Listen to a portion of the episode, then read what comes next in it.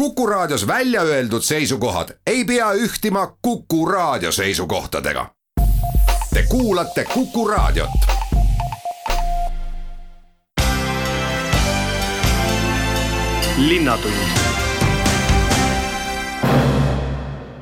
tere tänane saade on mõeldud nendele, kes on mures olnud südalinna kultuurikeskuse ehitusplaanide ja kesklinna pargi pärast kuulete ka seda, millised on muinsuskaitse uue kaitsekorraga seotud muutused, räägime liikumisest ja liigutamisest ehk kuidas ülikooli soovitused on kuulda võetud ülikoolis ja mujalgi, Tartu maratoni kombovariandist ning folkloorinõukogu auhinnast tartlasele. juttu juhib Madis Ligi tänast saadet alustame ühe lõpetamisega, sellepärast et täna saab käed alla Tartu linna, valla, riigi, erasektori koostöölepe ja sellepärast võtsin kõne ka Eesti Rahva Muuseumi direktorile Alar Karisele, sest see puudutab ka nende maja ümbrust ja annab lahenduse ka kesklinna kultuurikeskuse probleemile. millest ühele meelele olete siis jõudnud? Nojah, eks see on ju võtnud pikka aega, me oleme siin proovinud läbi peaministrite ja ministrite asju ajada, aga lõpuks noh, ilmselt eh, see pandeemiline aeg on eh, selline, et inimesed võib-olla hakkavad rohkem mõtlema ja mõtlema ka tuleviku peale ja ja on tõsi, et me leidsime ehitusfirma valla ja linnaga lõpuks ühisel arusaamisel, et on asjad, mis ei sobi ühte kohta ja on asjad, mis sobiksid või needsamad asjad sobiksid teise kohta ja nii oli ka ehitusfirma Merko nõus lammutama need eramud, mis nüüd sinna meie B sissepääsu juurde tulevad ja, ja on ühel tingimusel, et, et siis nad saaksid järgmise ehitusõiguse sinna ja selleks ehitusõiguseks on siis see südalinna kultuurikeskus, mis on palju vaidlusi tekkinud eh, südalinnas, aga aga ongi siis valmis nii vald kui ka eelkõige linn, et see, see keskus tuleb siis Raadile ja, ja ja me pakkusime välja ka nime, et see võiks olla siis Äkke, mis on siis äärelinna kultuurikeskus. Ja kuna Äkke on ikkagi Adra järel tähtsuselt teine mulla harimisriist olnud Eesti rahvale, et siis see nimi ja see koht sobiksid ideaalselt pealegi võtaks see nüüd maha ka need pinged, mis on tekkinud siis uute elamute planeerimisega, ehitamisega sinna ERMi vahetusse lähedusse, et varjavad imposantse hoone vaadet. nüüd see probleem langeb ära no täielikult, sest ega noh, kaasajal ongi ju niimoodi, et noh, sajandeid tagasi ehitati hooneid ikkagi mitmeteks sajanditeks, tänapäeval käibki niimoodi, et et kui hoone ühel hetkel ei sobi või on midagi viltu läinud, siis võetakse maha ja ehitatakse sinna midagi muud, nii et ma ise olen kogenud seda ka Hollandis elades, et kui ma sinna läksin, siis ehitati üks maja kesklinna ja viie aasta pärast võeti maha ja uus omanik ehitas praktiliselt samasuguse sinna asemele, aga aga see näitab seda, et noh, püsivaid väärtusi jääb nagu järjest vähemaks, aga eks ajad ongi sellised. kas olete ehitusgraafiku osas ka juba käed löönud? jah, ega me tahame ikkagi niimoodi, et et enne, enne kohalikke valimisi oleks ikkagi need korterelamud nüüd maha lammutatud ja ja, ja ehitus algaks siis juba ennem, ennem Riigikogu valimisi, mis on kahe tuhande kahekümne kolmandal aastal, et noh, selged, selged tähtajad ja selged kuupäevad, nii et püüame siis kõik sellest kinni pidada kas rahaküsimused lahendate osapoolte vahel või on mõni eurofond ka siin toeks? No ei tea, eks noh, ERMi kogemus näitab, et ega sealt Euroopast seda raha väga lihtne saada ei ole ja ja tuleb ikka ilmselt oma rahadega siin Eesti rahadega ja linna rahadega hakkama saada ja noh, vald kindlasti toetab ka, sest ta on nüüd palju maksumaksjaid saanud äh, valda juurde ja, ja ma usun, et äh, kamba peale saadakse see summa kokku ja ja kõik läheb planeetult kui kõik läheb nii, nagu loodetud, siis mis ajaks võiks see äkke ehk siis äärelinna kultuurikeskus äh, Eesti Rahva Muuseumi juures valmis saada? Noh, tänapäeval ju ehitatakse kiiresti ja, ja kui toome veel võib-olla välistööjõudu ka, siis noh, ma arvan, et kultuuripealinn kaks tuhat kakskümmend neli, selleks ajaks on see äke püsti. Teie ühismeelele jõudmine on kindlasti tõeline muusika ka Rally Estonia korraldajatele, kõikide lennu- ja motoürituste tegijatele seal raadil, et nüüd oleks sellel kultuurikeskusel noh, kohe käe all juures mitmed auväärsed ettevõtmised, rahvusvahelist mõõtu ettevõtmised ehk saaks ühendada kultuuri ja spordi ning äh, kõike seal siis seda korraldada ja ohjata? eks neid võimalusi on siin muidugi palju ja noh, kuna see, see kokkulepe oli suhteliselt ootamatu ka ikkagi meie jaoks, nii et me ei olegi jõudnud läbi mõelda, mis, mis uusi võimalusi see lisaks ERM-ile nüüd see, nüüd see äkke annab ja, ja kuidas see sünergia tekib ja aga ma arvan, et eks see kultuuriline raskuspunkt selgelt äh, siin Põhjamaades ja Eestis äh, tuleb ikka sinna Raadi piirkonda. linnatund tänase saate teine teema on seotud muinsuskaitsega, sellepärast et äh, muinsuskaitseala uus kaitsekord on välja töötatud ja see on tulnud suurele ringile, ehk siis oodatakse rahva arvamusi ja ettepanekuid ning ameti ehituspärandi valdkonna juht Anni Martin on meile selle kohta ka teavet tegemas. nii et äh, Tartust hakkate siis uuendamisega pihta? Äh, no ütleme nii, et Tartu on jah esimene, kellega me jõuame nüüd, kus me jõuame kaitsekorraga avalikule väljapanekule, aga me oleme paralleelselt teinud ka Pärnu Kuressaare, Rebala, Paide ja Valga ja Sillamäe kaitsekordasid, et lihtsalt äh, Tartuga me jõudsime, jõudsime esimesena avalikule väljapanekule. Teie olete ka selle töörühma juht, kui kaua läks, et siis äh, uued nõuded ja nägemused kokku saada? no töörühm tegi tööd natuke üle aasta või võib isegi öelda, et poolteist aastat, et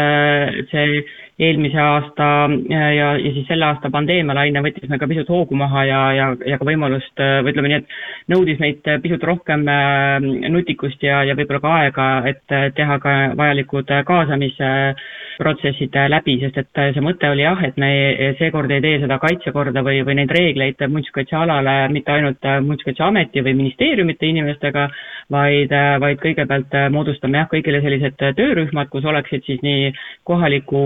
Äh, omavalitsuse või noh, kohaliku linna ja siis muinsuskaitse äh, esindajad, aga ka eksperdid siis väljastpoolt nii-öelda ametnike ringi, et oleks nagu selles mõttes selline noh, mitme vaat-, vaatenurgaga selline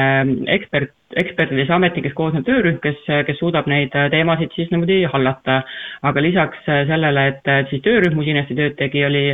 oli meil äh, suuri plaane ka ja, ja me enamus neist ka õnneks saime ka läbi viia, et kaasata ka kohalikku kogukonda. me tegime kaks sellist avalikku koosolekut, üks oli eelmise aasta veebruaris, kus me tegime just nimelt sellise eesmärkide ja muinsuskaitseala olemuse ja väärtuste siis sellise töötoa et, et siis nagu välja selgitada, et, et mis siis tõesti teeb sellest Tartu südalinnast selle Tartu äh, kultuuriväärtusliku keskkonna, et, et mida inimesed peavad äh, oluliseks. Ja, ja sealt tuli päris palju selliseid mõtteid ka, mida, mida seni Äh, võib-olla ei olegi osatud niimoodi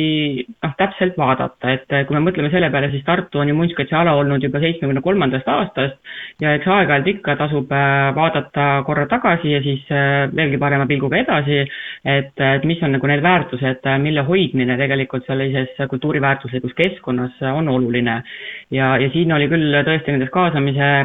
protsessidest või kaasatavatest või, või kaasamisüritustest, et me lisaks sellele, et me tegime selliseid suuri avaüritusi, kogunemisi või, või selliseid koosolekuid äh, rahvaga, me rääkisime läbi ka äh, nii-öelda hulgiomanikega, et äh, kes, kelleks siis Tartus on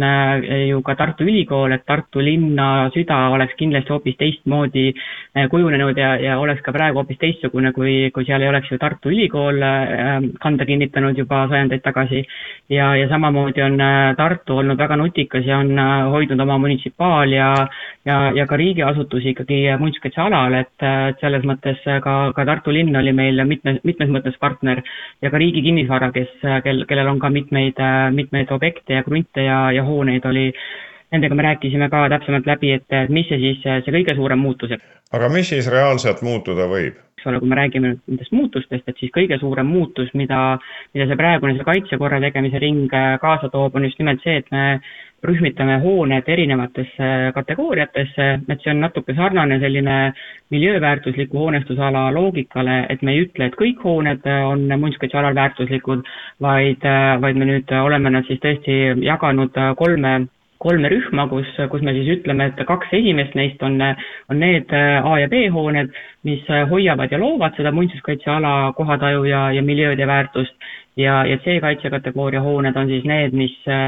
noh, mis seda otseselt ei tee ja mille puhul ei ole nagu põhjust olla ka noh, nii konservatiivne võib-olla ja samamoodi vähendada seal ka sellist bürokraatlikku asjaajamist, et proovida ühildada seal neid erinevaid lubasid siis ehituslubade, ehitusteatiste ja, ja muude teatistega, mida kohalik omavalitsus niikuinii välja annab, et siis äh, Muinsuskaitseamet enam topelt, äh, topeltlubasid ei peaks välja andma, et siis selles mõttes oli ta nagu noh, see, äh, et need, need, need muutused me tahtsime kindlasti ka nende hulgiomanike või, või tõesti suuromanikega eraldi läbi rääkida ja ja noh, oleme ka rääkinud äh, Tartu linnavalitsuse, linna, linnavolikogule tutvustanud oma plaane ja, ja samuti siis, kuna see teine muutus, mis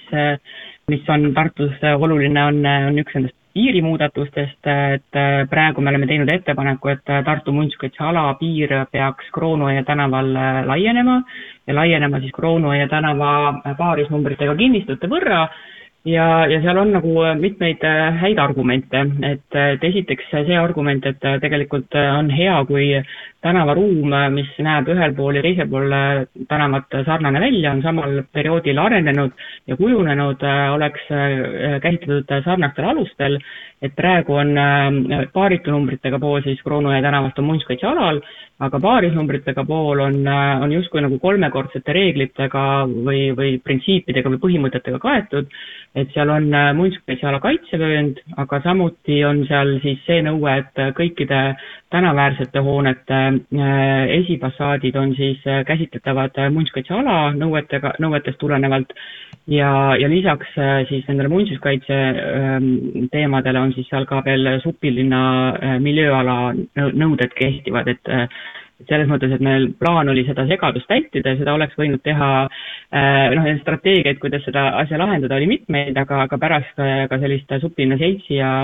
ja, ja ka äh, omanikega kohtumist ja ka linna ja volikogu esindajatega kohtumist ja mitmeid-mitmeid arutelusid töörühmas, ikkagi äh, leidsime, et, et ikkagi on kõige äh, mõistlikum öelda, et, Kroonoja tänava mõlemal pool tänavat asuvad puithooned on, on võrdselt, noh, võrdsete reeglitega siis kaetud ja nad on võrdselt nagu kuidagi olulised ka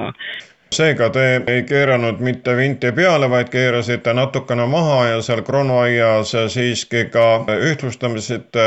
ja panite nagu nõuded tugevamaks, nii et ühtedel läheb vaieldamatult elu kergemaks, et -hmm. bürokraatiat on vähem, kuid Kronoaia tänava inimesed peavad arvestama sellega, et asjaajamist on senisest enam kas nii? no mitte päris, selles mõttes, et Kroonuaia tänava inimesed on pidanud praegu ka kõik oma asjad ju linnaga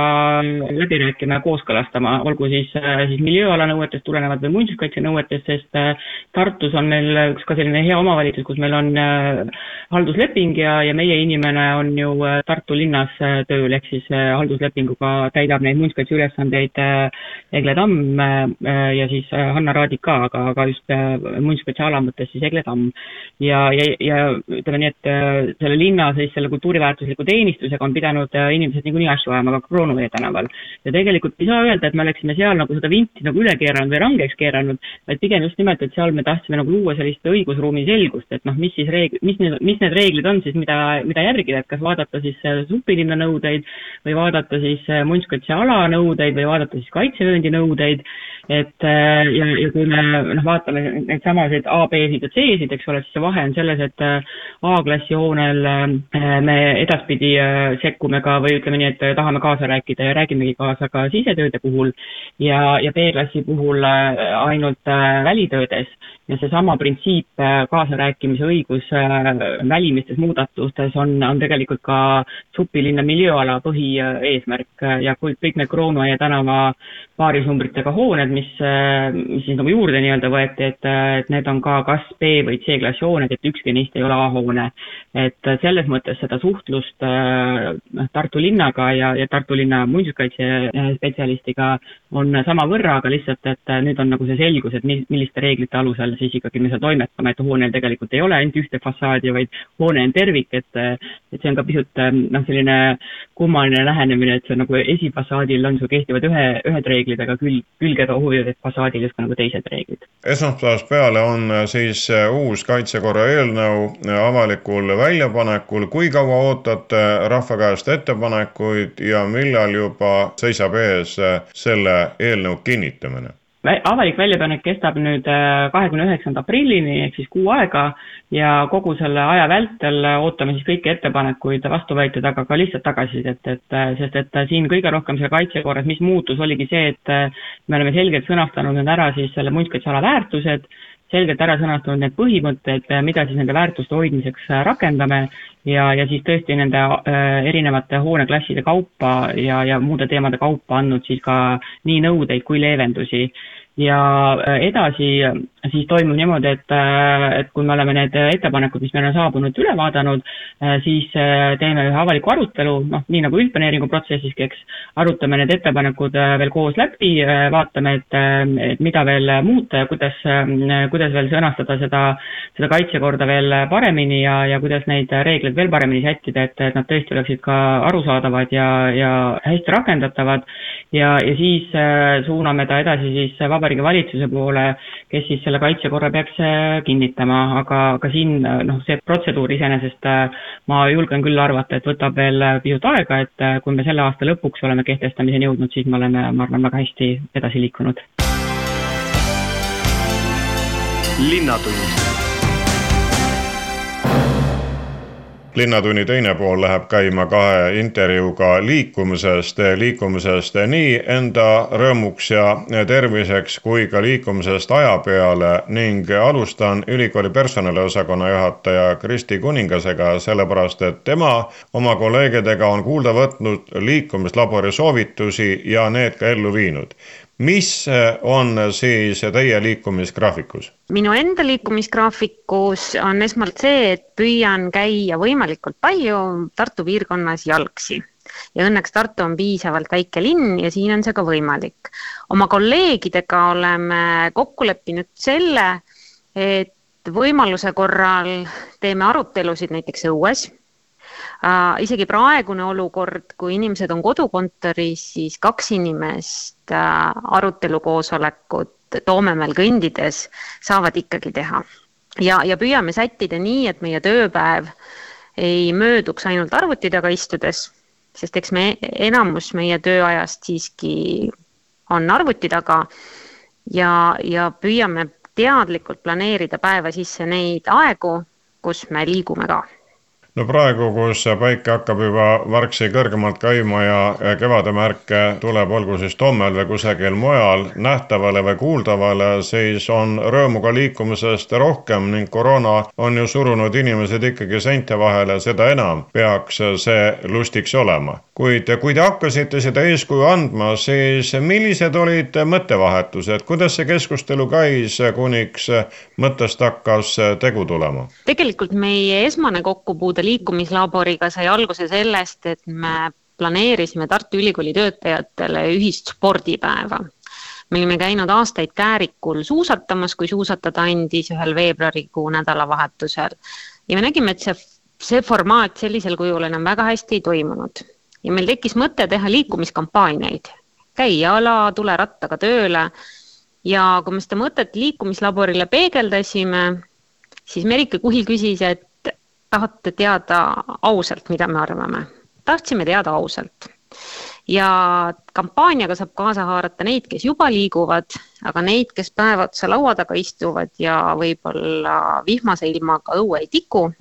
on keerulisem haarata ja tegelikult oma osakonnas me tegimegi siis liikumislaboriga koostöös ühe ajurünnaku ja mõtlesime välja kõik need väikesed rutiinid, mis meid igapäevases tööpäevas aitavad liikuma. kui sa töötad kolmandal korrusel, kõnni trepist. kui sa korraldad koosolekut, mine kuhugi maja teise otsa koosolekuruumi või mine õue ja juba sellised pisikesed asjad tegelikult aitavad tööpäeva lõpuks päris palju samme kokku tuua ja iga samm loeb. kui sa kümmet tuhandet ei jõua, siis tee viis tuhat, aga tee see noh, püüa seda siis iga päev teha. Arvestades, et ma räägin ülikooli inimesega, siis on see printsiibilt sama nagu tudengil, et regulaarne töö semestri jooksul garanteerib edu eksamitel. just nimelt. Et kehtib ka töötajate puhul ja no mõnikord võib olla ka nii, et kui tervet rehkendust ei jõua, tee pool, aga tee hästi igal juhul teie soovitus on see, et äh, mõelge oma väikeses ja suures kollektiivis ning hakake samm-sammult tegema neid samme järjest rohkem, kas siis äh, lihtsalt äh, maja peal liikudes või ühest hoonest teise minnes või ühest linna otsast teise minnes. käige ning tehke ka kõnnikoosolekuid. kõik tuleb ikkagi ette võtta ja, ja väga suureks abiks siin ongi kolleegidega tehtud kokkulepped. meie näiteks oleme kokku leppinud, et aprill on meil käi lõunatunni lõueskuu ehk siis ka kodukontorist tuleb lõunapausi ajal minna kasvõi korraks välja. ja peame sellist ise omaenda väikest tabelit, kuhu saab panna naerunäo selle päeva peale, kus sa oled õues käinud ja ka sellised pisikesed asjad tegelikult mõjuvad üsna inspireerivalt ja innustavalt tähtis on kujundada see harjumus ja sellega te olete nüüd pihta hakanud ning esimese hooga vaatab äh, siis see tabel kuni suure suveni välja, jah? jah, et me, me tegelikult oleme võtnud ette liikumistegevused ikkagi pikas perspektiivis ja, ja plaanime ka oma koosolekutesse ja koolitustesse sisse liikumispause. et iga, igal pool, kus on oht jääda pikalt istuma, tuleb keegi kolleegidest ja ütleb, et palun teeme sirutuspausi kes tahab siis kuulda võtta neid soovitusi, mida ülikooli liikumislabor on teinud või millised liikuvad pildid üles pannud, see löögu nende koduleht lahti või küsigu eeskuju ka ülikooli personaliosakonnast, kes siis on hakanud neid mõtteid juba ellu rakendama ja kellel ka esimene kogemus olemas või on keegi juba teie kogemust käinud korjamas? Tasapisi korjatakse ja, ja tegelikult maikuus on meil plaanis äh, selline liikumistegevus, millest osa võiks saada ka kogu Tartu linna rahvas. nimelt me plaanime panna õue orienteerumise püsiraja, mis siis äh, aitab äh, linnas avada nende majade taustu, kus on tehtud sporti ehk siis kus on õppinud ülikooli kehakultuuri tudengid, erinevad paigad linnas Tartu Ülikooli muuseumi abil oleme üles leidnud ja, ja maikuus on plaanis panna linna see orienteerumisrada maha ja see on avatud kõigile. Täna läheb käima Tartu maastikumaratoni programm ja sellepärast võtsin kõne ka maratoni tegevjuhil Indrek Kelgule, et rääkida nii sellest, mis on traditsiooniline, kui ka sellest, mis on täiesti uus tänasest äh, algab siis virtuaaljooks, kui kaua see käib ja millised on distantsid? Äh, virtuaaljooks äh, kestab siis esimesest aprillist kuni kuueteistkümnenda maini, hästi pikk periood. distantsid on ette nähtud ikka need, mis päris maastikumaratoonil oleks ka pidanud olema, ehk siis nelikümmend kaks, kakskümmend neli, kümme ja viis kilomeetrit. kas joosta võib ükstakõik kus või maratoni raja peal? Virtuaaljooksu võib teha ükskõik kus, aga võib ka originaalsadade peal. Äh, küll äh, peab tunnistama seda, et esimesest aprillist alates ei ole veel äh, originaalsajad tähistatud, sellepärast et suusalumi lihtsalt pole veel ära läinud, et metsavahed on, on kohati väga jäised ja, ja, ja porised ja tõenäoliselt äh, kuskil seal kümnenda, neljateistkümnenda aprilli paiku äh, on alles võimalik äh, maratoni siis nii-öelda originaalsajad korralikult tähistada, et et võimalik, et Elva-poolsed viie ja kümne kilomeetri sajad, mis on veidikene kuivemal ja liivasemal maastikul, saavad ennem, aga siis selle kohta me anname juba, juba teavet aga ikkagi tänasest alates on võimalik äh, kõikidel äh, muudel kodusadadel või miks mitte ka maratoni originaalsajal, kui selle ise üles leiab ja, ja seal jää peal liugu tahab lasta, joosta virtuaalmaraton läbi, kas või juba täna. mida kujutab aga teie programmi uus osa, maratoni kombo endast? maratoni kombo on meie jaoks uus, aga, aga tegelikult äh, sellist päevavalgust näinud äh, juba möödunud aasta Tallinna maratonil ja seal väga edukaks kujunenud ja, ja meiegi osalejad on, on seda soovinud, et see tegelikult tähendab mitmeosalise jooksuna maratoni distantsi kokku läbi jooksmist, et, et see miinimum ühe päeva jooks peaks olema siis neli koma kaks kilomeetrit ehk siis näiteks kümne korraga läbi käia, aga, aga neid distantsi pikkusi võib ka äh, teistpidi äh, kokku summeerida niimoodi, et üks päev viis, teine päev seitse, kümme, äh, mis iganes ähm, variatsioonid on. oluline, et, et kokku tuleb siis nelikümmend kaks kilomeetrit ja kõige lühem jooks ei oleks lühem kui neli koma kaks kilomeetrit jõuame individuaaljooksuni, millal need käima lähevad? Äh, individuaaljooks äh, algab äh, esimesel mail ja kestab üheksanda maini ehk siis kui, nii kaua, kuni Tartu maratoni, maastikumaratoni nii-öelda originaal toimumispäev pidi olema. Ja, ja see on siis natukene teistsugune asi meie senises virtuaaljooksu ja sellise noh, hajutatud jooksumaailmas, et ähm, pakume sellist lahendust, et et äh, korraldaja poolt tähistatud ajal siis orienteerumisjooksu äh, ajavõtu pulgaga on võimalik läbi joosta ja, ja kontrollpunktides oma rajal viibimine fikseerida ja mille tulemusel siis ka salvestub selline juba korrektne aegadega protokoll. sellist äh, noh, nii-öelda autasustamist selle protokolli põhjal ei toimu, aga selline tulemusprotokoll nagu normaalsel jooksuvõistlusel ikkagi äh, välja antakse. ja, ja see on selline äh, täiendus siis eelmisel aastal algatatud virtuaaljooksudele, et, et midagi oleks ka,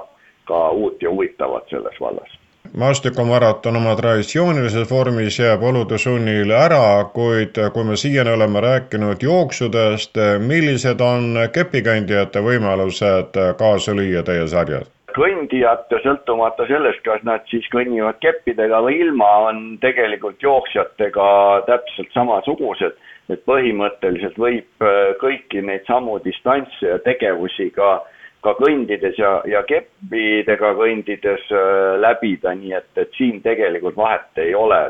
et äh, oluline on see, et, et liigutakse nii-öelda omal jalal ja mingisuguseid äh, abivahendeid, olgu see kas või jalgratas